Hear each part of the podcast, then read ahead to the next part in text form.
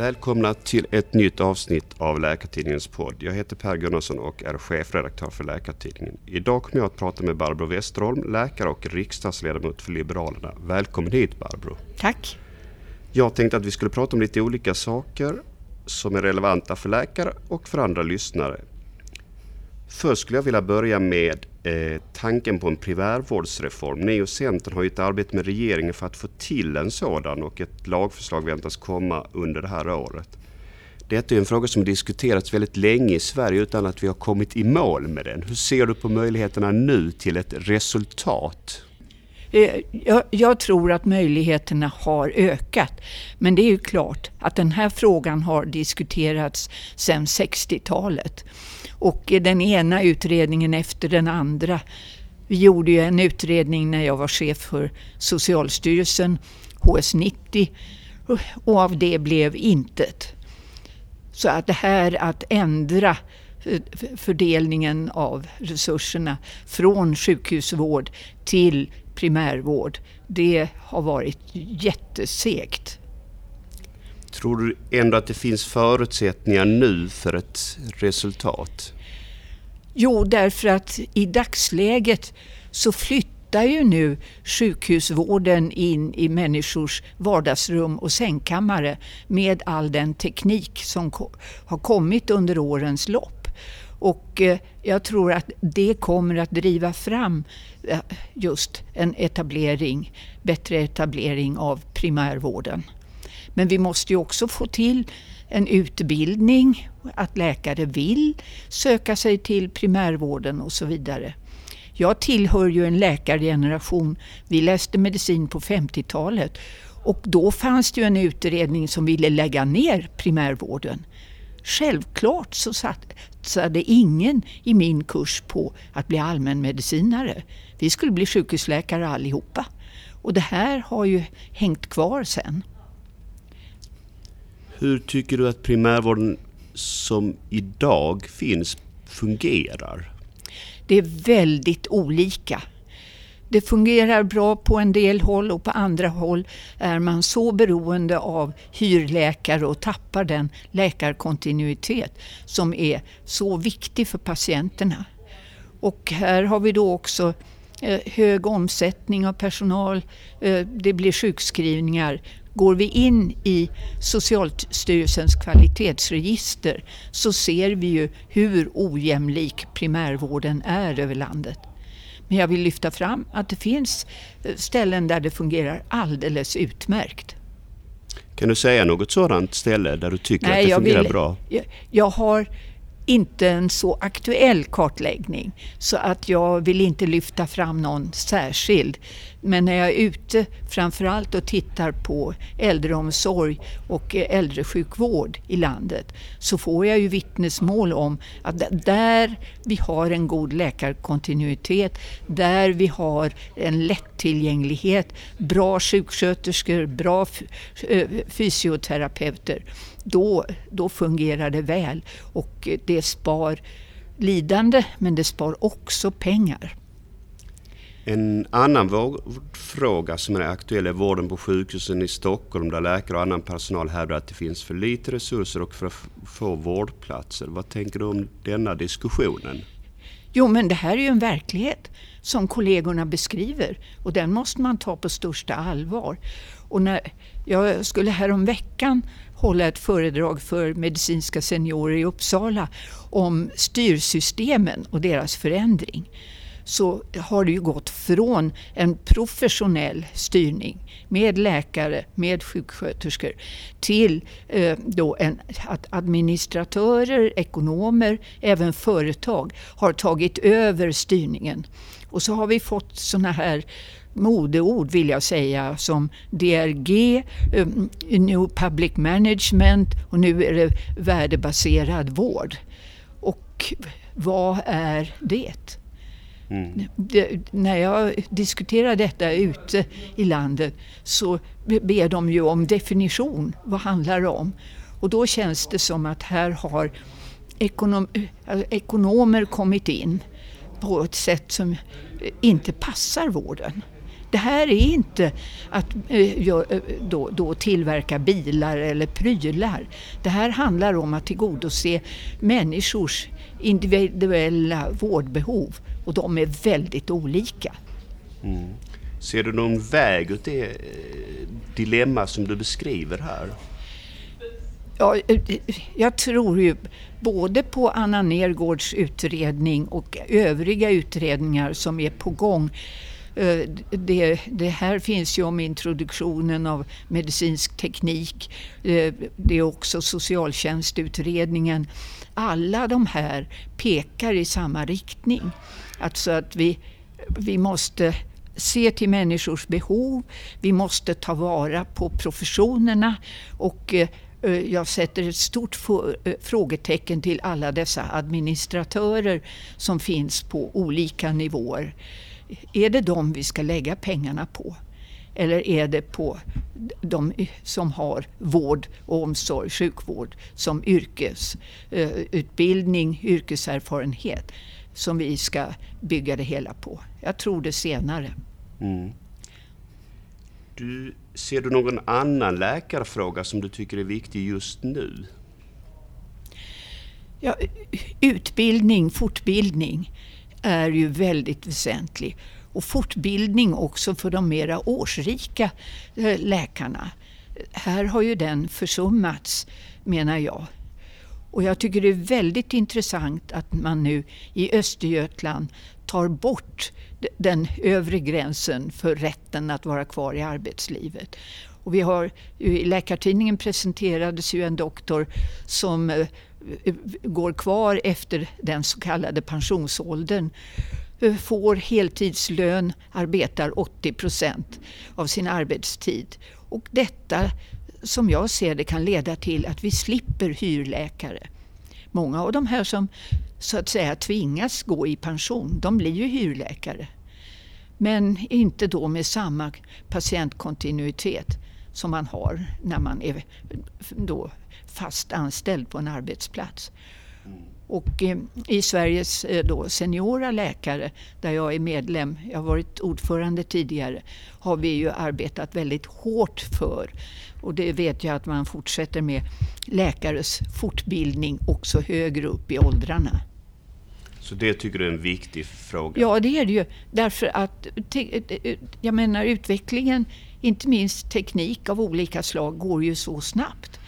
Och har du inte kunskap om hur du bäst utnyttjar den så blir ju inte vården så bra som den kunde vara. Så jag tycker det ska gälla samma vare sig du är 30, 40, 50, 60 eller 70 eller 80 år och är eh, verksam i hälso och sjukvården. Då har du rätt till, du ska få utbildning, fortbildning. Mm. Just det eh, reportaget Läkartidningen som du hänvisar till framstår som ett gott exempel på en slags win-win situation. Mm. Landstinget får behålla kvalificerad eh, arbetskraft i, i, form av kunniga och erfarna läkare. Och läkare själva eh, vittnar ju då om att eh, det här är saker som man gör för att man har en stark läkaridentitet och att man känner sig också behövd och efterfrågad mm. om, man, om man får lov mm. att arbeta. Det, det känns ju som att det är en väldigt viktig eh, situation för bägge parter här. Det är det. Och jag menar att alla som arbetar i vården, vare sig man är undersköterska eller läkare eller eller, så ska man känna eh, när arbetsdagen är slut och man går hem att man har gjort ett bra jobb. Inte att man har tvingats rusa ifrån ett halvfärdigt jobb till något annat som då uh, har fått högre prioritet. Och det här med tid, att få tid att göra ett bra jobb. Det är, det är, bra för patienterna men bra för de yrkesverksamma också. Och jag tror att det här är väldigt bra, viktigt också för ekonomin. Mm. Minns jag rätt så har du pratat om att vi i Sverige är fördomsfulla mot äldre. Varför tror du i så fall att det är så? Sverige är ju ändå i stor utsträckning ett modernt land. Ja. Jag, alltså jag har ingen forskning bakom här. Men jag tror att faktiskt införandet av pension och en pensionsålder har bidragit. Du har delat befolkningen i den som är yrkesverksam och den som så att säga pensioneras bort från arbetslivet. Och att det har skapat en klyfta här mellan människor. Eh, Ivar Lo Johansson, journalist som skrev om, eh, om äldrefrågor i mitten av 1900-talet. Han menade att det inom eh, arbetslivet, industrin, skulle skapas åldringsjobb. För att allt är värre eh, än att, eh, eller att det är illa, illa att man eh, då för bort människor med då, pension till en ofrivillig passivitet, o, ja, overksamhet. Och sen kom Gustav Möller och menade att, det skulle, att arbetsmarknaden skulle öppnas. Då skriver vi då, tidigt 60-tal.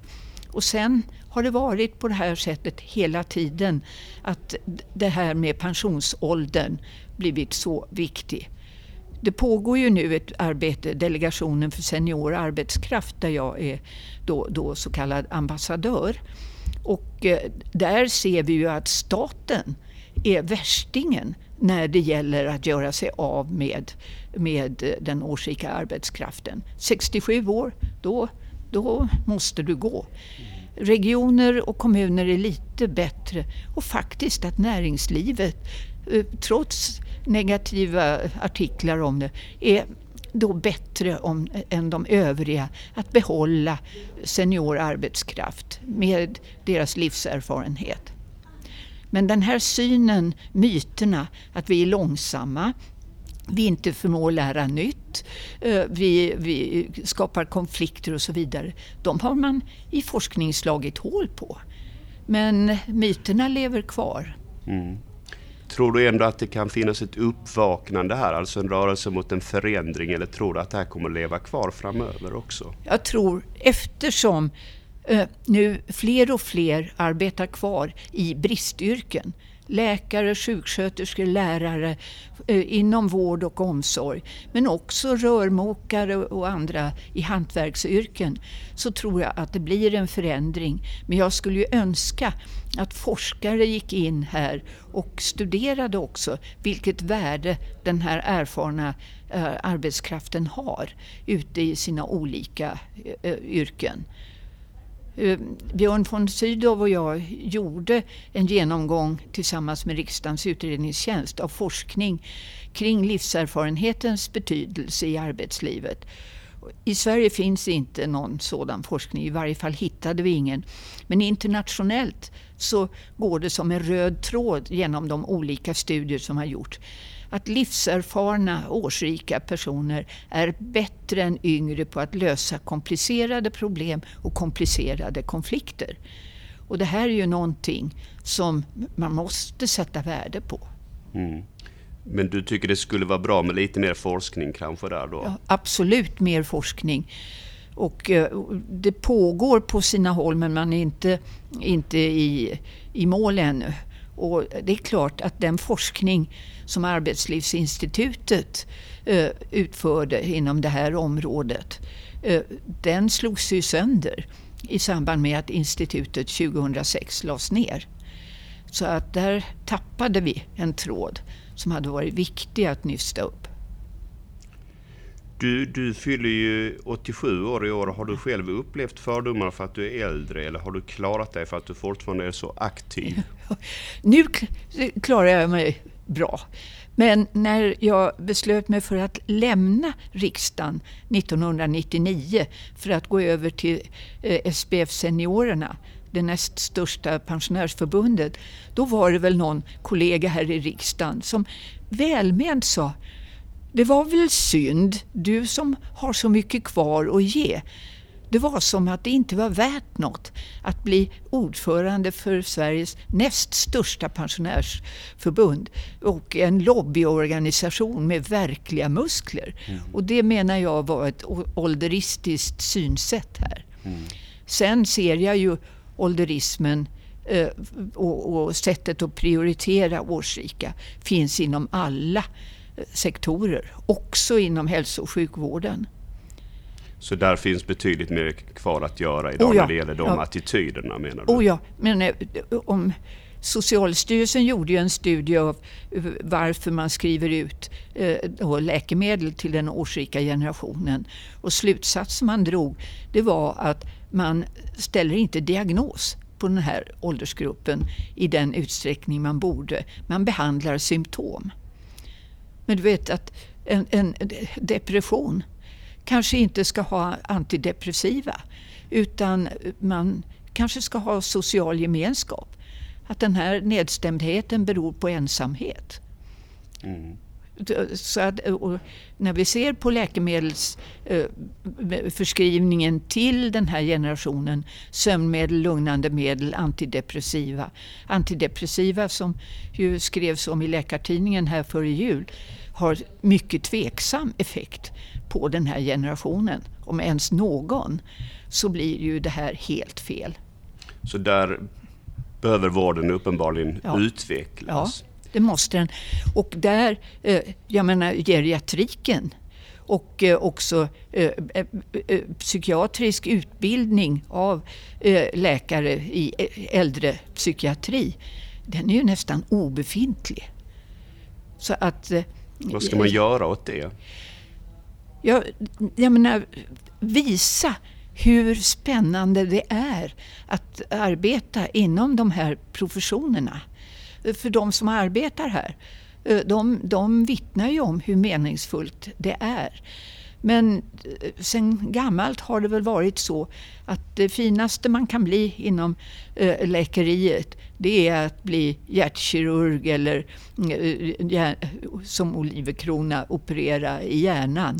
Kirurgiska specialiteterna på topp. Men kommer du ner på, på äldrevård och psykiatri så är det inte lika högt upp på den här skalan. Vilket jag tycker är oerhört, oerhört beklagligt. Mm. Finns det något ni från politikens sida kan göra här? Ja, alltså det vi kan, då, då, det här är ju ett problem därför att universitet och högskolor ska arbeta självständigt med utbildningarna. Eh, staten, politiken på riksnivån ska se till att det finns pengar men sen inte gå in och styra särskilt hårt. Och sen så har du det kommunala självbestämmandet sedan början av 70-talet som gör att staten, jo, vi mm, lägger pengar på, på eh, då kommuner och, och, och, regioner och vi stiftar lagar med målsättningar. Men de får inte bli för detaljerade för då måste staten skjuta till ännu mera pengar enligt Sveriges kommuner och, och regioner. Så det här, det här är ett hinder för staten att eh, göra mer. Och sedan så specialdestinerade eh, statliga pengar. Ja, Göran Stiernstedt har väl någon gång, om jag citerar honom rätt, sagt att det här blir allt för ofta förgiftade pengar. Det vill säga det styr verksamheter från annat som är mera prioriterat ute i bygderna. Så det här, är, det här är verkligen en svår balansgång att gå. Hur långt kan staten styra? Mm. Men jag tror att staten här tillsammans med professionen eh, kan diskutera fram lösningar som är bra. Då måste ju också professionen vara med på noterna. Vad är det som är mest prioriterat? Här spelar ju Läkarförbundet för läkarkåren en väldigt, väldigt viktig roll. Men även eh, då Läkarsällskapet. Mm. Så det är precis som du säger där, att här behöver professionen höja sin röst och höras för att förändring ja, ja. ska bli verklighet. Ja, ja. Och sen både gentemot staten men också gentemot de egna medlemmarna. Att beskriva vikten av att kåren verkligen satsar på alla de här olika professionerna. Ett ska inte upplevas som finare område än ett annat. Och här tycker jag ju, jag menar, all, dråpslaget mot allmänmedicinen, distriktsläkarna, då, då provinsialläkarna i slutet av 50-talet. det var ju så hårt att man inte betraktade det här som särskilt eh, viktigt. Och sedan så kommer man igen i mitten av 60-talet och vi får Dalby knutet till Lund för att eh, då befrämja forskning. Men det här fortsatte man inte med i tillräcklig utsträckning. Man inbegrep inte eh, allmänläkarna i kliniska prövningar till exempel och annan epidemiologisk forskning så som man gjorde i England. Och eh, det går tillbaka till att vi, läkemedelskontrollen i Sverige tyckte att eh, läkemedel skulle utprövas på akademiska institutioner, möjligtvis välrenommerade sjukhus, på ensjuka patienter. Sen kom de att användas på multisjuka utan att man visste eh, vad det kunde ställa till med eh, i kombinationer. Men framförallt det här att man inte har inbegripit allmänmedicinarna i eh, epidemiologisk forskning så som man har gjort till exempel i England. Mm. Så där finns betydligt mer att göra oh ja, menar du? Oh ja, och, man, och då måste man ha tid för det.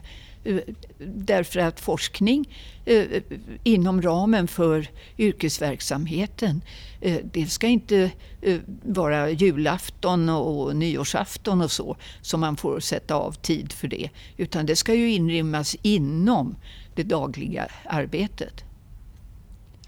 Du, en annan svår fråga som jag vet att du har ett långvarigt engagemang i, det är frågan om dödshjälp. Ja. Vill du berätta hur ditt engagemang ser ut där? Ja, nu har jag kommit så långt ja, eh, eh, att, att det blir en utred eller att mitt parti ställer sig bakom en utredning av frågan. Därför att jag menar att det här är en medborgarfråga. Och eh, sen jag började att liksom dra i det hela eh, 2006 när jag kom in i Statens medicinskt-etiska råd och vi tog fram ett underlag för regeringen att fortsätta med i form av en utredning 2008. Det hände ju ingenting. Men den debatt som sen har följt har för mig visat att det här är en fråga hur du som individ ska kunna bestämma över ditt liv också när det gäller den sista sträckan. Och Statens medicinsk-etiska råd kom ju 2017 med en eh, redovisning av hur det här ser, eh, eh, genomförs i olika länder.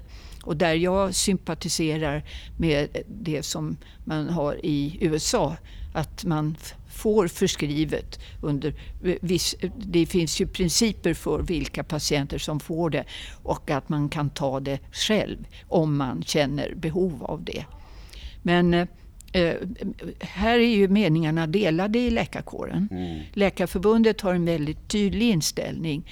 Men jag möter ju nu bland också yngre läkare en inställning, nej, det här, det här ska vi som läkare vara så inriktade på att förlänga liv, att vi förlänger döende, döendeprocessen.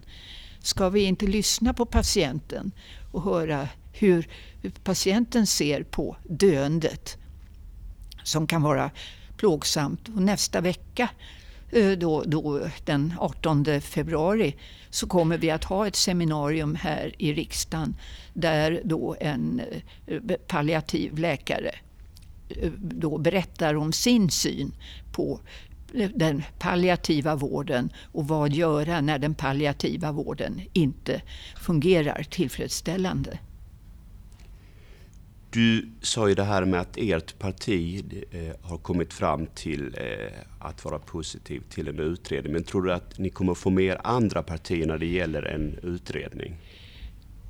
Ja, Moderaterna utreder inom sitt parti den här frågan. Och, och, och, sedan så har du Sverigedemokraterna som har ställt upp på det, Miljöpartiet. Så att det blir, kommer parti efter parti.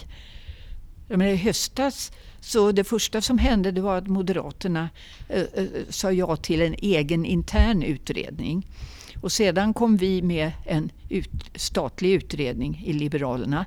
Och sen bara någon vecka senare så kom Sverigedemokraterna med eh, eh, samma, samma besked. Så det här växer fram så sakteliga. Och det här är ingen lätt fråga. Det är en jättesvår fråga och eh, därför tycker jag att en statlig utredning enligt gammeldags mönster. Parlamentarisk utredning som får gott om tid på sig att vrida och vända på alla erfarenheter och också göra en gedigen opinionsundersökning ute i landet. De opinionsundersökningar som har gjorts där allmänheten har varit mer positiv då än läkarkåren. De är dels nu ganska gamla och sedan så, så som man frågar kan man ju få svar. Och här behövs alltså proffs verkligen som ställer frågorna så att man vet vad tycker egentligen de vanliga medborgarna i den här frågan. För mig är det en självbestämmande fråga så du menar att ett alternativ för en sån utredning skulle vara att föreslå någon form av dödshjälp i Sverige? Ja, det, det, skulle kunna bli, men det får ju en, en utredning här ska vara förutsättningslös, tycker jag. Och, och, eh, men att det här är en medborgarfråga, så att här måste alltså medborgarna komma med i, i, i utredningen. Och, eh, och sen naturligtvis läkarkåren, därför att det jag ju nu ser det är att eh, kollegor i alla olika åldrar, också yngre kollegor, har, har en annan syn än Läkarförbundet på det hela. Och, så jag tycker ju att egentligen Läkarförbund och Läkarsällskap eh, kunde ta tag i den också inom professionen och se vad är det man tycker och tänker. Och här är ju oerhört viktigt med, med den palliativa vården. Att man som medborgare ska känna att man får tillgång till den eh, på allra bästa sätt. Men sen medveten om att den inte alltid hjälper. Men när det gäller palliativa vården så är den inte jämlik över landet. Och det är ju ett väldigt viktigt första steg att ta. Man ska inte vara rädd för döendet. Nej. Du, om vi skulle prata lite om vad du arbetar med just nu i riksdagen och utanför den, vad sysslar du med då? Ja, utanför så blir det ju lite eh, då skärgårdsliv eh, i fritidshuset. Men annars så fylls ju eh, min vardag av det politiska uppdraget. För jag har ju bråttom också att försöka komma i mål här med, olika frågor. Mm. Och nu eh, kommer vi... Då vill jag bara vid sidan om, det här sänds ju inte imorgon, va? eller? Nej, vi kan, eh, nej, det gör det inte. Det nej, sänds inte Då imorgon. kan jag säga att nu så får jag tre framgångar eh, mycket snart. Ett, att man, det tillkännagivande till regeringen om att eh, insatser för hbtq-personers psykiska hälsa som behöver mer, ins, det här behövs mer insatser för att hjälpa dem som av olika skäl upplever diskriminering, mobbning på grund av sin sexuella läggning. Sen något som jag håller på med sedan 2011, informationsplikten eh, om HIV för eh, eh välbehandlade HIV-smittade eh, personer att man, eh, man kan ta bort den informationsplikten. Och, och sen det tredje är ju att väcka liv i Gerhard Larssons utredning om missbruksvården. Här, här tillkännager vi ju nu till Eh, regeringen om att det behövs en ny utredning, utvärdering av narkotikapolitiken. Vi måste få en nollvision när det gäller eh, då, då narkotikadödligheten. Så det är tre frågor där det nu blir tillkännagivande och det har tagit lång tid. Sen är det frågor jag har bråttom med. Det, det ena är ju att få den här, till den här utredningen om dödshjälp. Det andra är ju eh, värdmoderskapet eller surrogatmoderskapet. Eh, idag så föds det ju fler barn eh, efter värdmoderskap än det adopteras per år i Sverige. Och de här barnens juridiska status är, är, ju ett bekymmer. De blir så att säga statslösa under ganska lång tid därför att adoptionsförfarandet är problematiskt.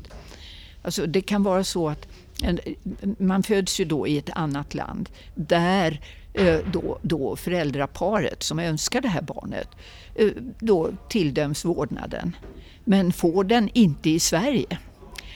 Trots att till och med eh, alltså, den blivande mamman här i Sverige har med sitt eh, ägg och makes spermier fått det här barnet. Men den svenska lagstiftningen kräver då eh, ett adoptionsförfarande som är väldigt problematiskt.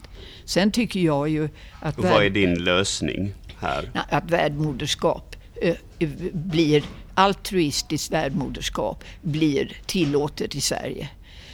Och alltså inte pengaersättning annat än för utlägg för värdmodern. Och om det kommer vi om en vecka också ha ett eh, seminarium här i riksdagen. Och här, alltså det, det är överbokat. Det har mm. det inte varit tidigare men nu är intresset så stort för den här frågan.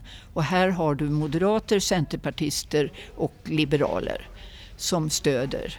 Just det, för det var väl så att en utredning som lades fram för något år sedan sa nej egentligen ja. till detta, men ni lyfte frågan igen. Ja, ja alltså Statens eh, medicinskt etiska råd, där var ju majoritet för. Men, men sen kom en statlig utredning som sa nej. Och, eh, och eh, det, människor kommer att fortsätta att åka utomlands och det är människor med plånböcker som är ganska feta som får den här möjligheten i andra länder. USA, eh, det kan vara Ukraina och så vidare. Eh, medan de med tunna plånböcker har ju inte alls den chansen. Inför det vi eh, i Sverige så blir det en jämlik då, assisterad befruktning så att säga. Och, och, det är vad jag tycker vi borde komma i mål med. Du, eh, jag får intrycket att du jobbar väldigt mycket. Är det så att du blir trött av allt jobbande eller är det tvärtom så att det håller dig pigg? Ja, det håller mig pigg. Jag tror, jag är inte för att sitta och mata duvorna. Utan, och just det här när man vet att det går med tålamod och envishet och, och så att komma i mål som nu med den här informationsplikten HIV. Ja, den tog ju bara då, då nio år. Sen har jag ju varit med om andra eh, saker som har tagit mycket, mycket längre tid. Det här med individbaserat receptregister det började jag att driva för just patientsäkerhet och möjligheter att följa upp biverkningslarm 1969. Eh, här kom vi delvis i mål 2005. Men fortfarande är sekretesslagstiftningen sådan att den lägger hinder i vägen för en del analyser av det här registret. Och eh, eh, motståndet har ju varit att det är integritetskänsligt. Men jag har under alla de här åren varit, inte varit med om något fall vars integritet har trätts för när genom att utnyttja det här registret. Men tiden 69 till 2005, den är ju ganska lång. Mm, den är väldigt lång. och sen, du ger inte upp kan nej, man ju dra som nej, slutsats. Ja. Och assisterad befruktning av ensamstående kvinnor började jag med 1992 och det blev lag på det 2016.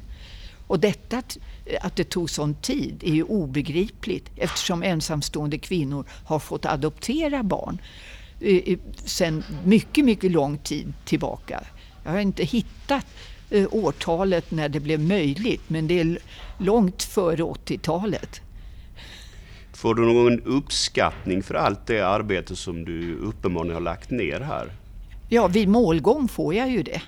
Men det är ju stretigt på vägen. Mm. Det, det, det, är det. Och ibland så, eh, jag menar ta det eh, inom hbtq-området, då får man ju hat och hot mot sig. Eh, homofoba eh, individer och rörelser eh, försöker ju göra livet slut, eh, eh, surt för en men också att skapa en rädsla att man, nej, jag vågar inte fortsätta med det här.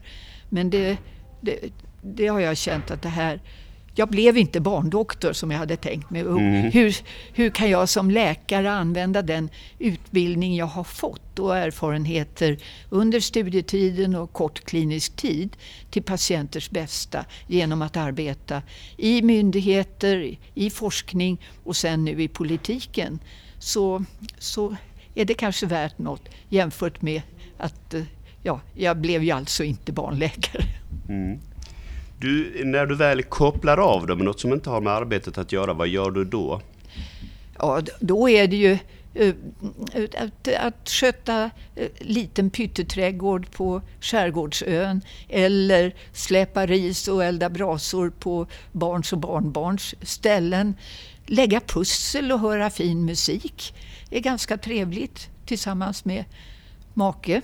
Mm. Vi blev ju kurskamrater när vi började läsa medicin 53, gifte oss 59 och eh, vi är gifta med varann. Mm. En fjärdedel av vår kurs gifte sig med varann. Ett, ett par skilde sig men alla vi övriga fortsatte tills livet har tagit slut för den ena eller båda. Det är väl fantastiskt att ja, kunna konstatera det. Ja, och jag tror mycket att vi har haft förståelse för varandras yrkesval. Och, eh, eh, och att man vill ju göra något bra för patienter oavsett vilken typ av läkare man blir. Och, eh, ja, lärt. och sen vi lärde oss ju mycket av de lärare vi hade. Ja, vi, och sen, det är klart att under studietiden så vi gick en kurs som skulle forceras igenom studierna. För vi, man skulle lägga om utbildningen. Och det innebar att vi gick ju kurs året runt. Och eh, ja, man låg jour tillsammans och man lärde känna varandra väldigt väl. Så att det uppstod ju inga överraskningar när eh, vi väl hade varit i kyrkan och gift oss. Mm. Ni kände varandra väl då ja? Ja. Mm. Du, till sist, vi lever just nu i en tid som kan upplevas som mörk och hotfull. Kan du säga att du ser några tecken på att vi trots allt detta går mot en ljusare framtid? Jag tror att det finns ändå en överlevnadsinstinkt hos människan som gör att det, det, vi går mot en bra framtid. Om den är ljusare eller likadan, det är svårt att sätta ord på. Men om man går tillbaka i historien så alla generationer har sett mörkt på mycket som sker kring dem. Så jag tror att här finns en vil, vilja att det ska bli bättre och jag tycker att eh, den, det miljöengagemang som nu finns hos så många och där Greta inte minst har betytt väldigt mycket för unga människor gör att det finns hopp inom det området. Sen så har vi ju faktiskt inte haft krig i, eh, i, i, i något världskrig sedan 45. Så att EU har ju betytt väldigt mycket som fredsbevarande då, då institution. För konflikter har ju funnits undervägs. Sen så har vi konflikter i andra delar av världen som är grymma. Vi ser ju det nu i Syrien. Mm. Det nionde året är vi väl på här och eh, det är miljon människor på flykt. Det är ju helt oacceptabelt. Mm, mm. Eh, men det är som du sa att eh, det finns också tecken på en ljusare framtid. Ja. Till exempel genom Greta Thunberg som har fått ett enormt genomslag. Ja. ja, och helt fantastiskt. Vi såg ju henne sitta här på fredagar utanför mm. riksdagen och, och, jag kände sådär att ja, men fredag är fel dag för att då är ju inte ledamöterna i huset. Men det var ju den dagen hon kunde vara borta från skolan. Just Så. det. Sen har hon nog ändå fått kontakt med många ledamöter efter det gissar jag. Oh ja, oh ja, oh ja. Nej, men det, det händer sånt där plötsligt och vi vet inte vad som händer imorgon. Eh, jag tänker då på Syrienkriget. Att, att, eh, vad händer där? Ja, jag menar, eh, andra världskriget som väl make och jag tillhör den sista eh, generationen att minnas då när det blev fred. Helt otroligt och den, eh, den, den ljusa framtid vi då såg framför oss på slutet av 40-talet, 50-talet, början av 60-talet. Sen så har det ju hänt en hel del tråkigheter. Men jag tror på att det kommer ett nytt 1945 fast det ser annorlunda ut. Mm. Vi får hoppas på det. Eh, då är det dags att sluta för idag. Jag vill tacka dig för att du ville vara med och vi ska säga att vi har spelat in detta den 12 februari 2020. Eh, om ett tag kommer nästa avsnitt av denna podd. Ni som har lyssnat är välkomna att lyssna även då. Hej då så länge!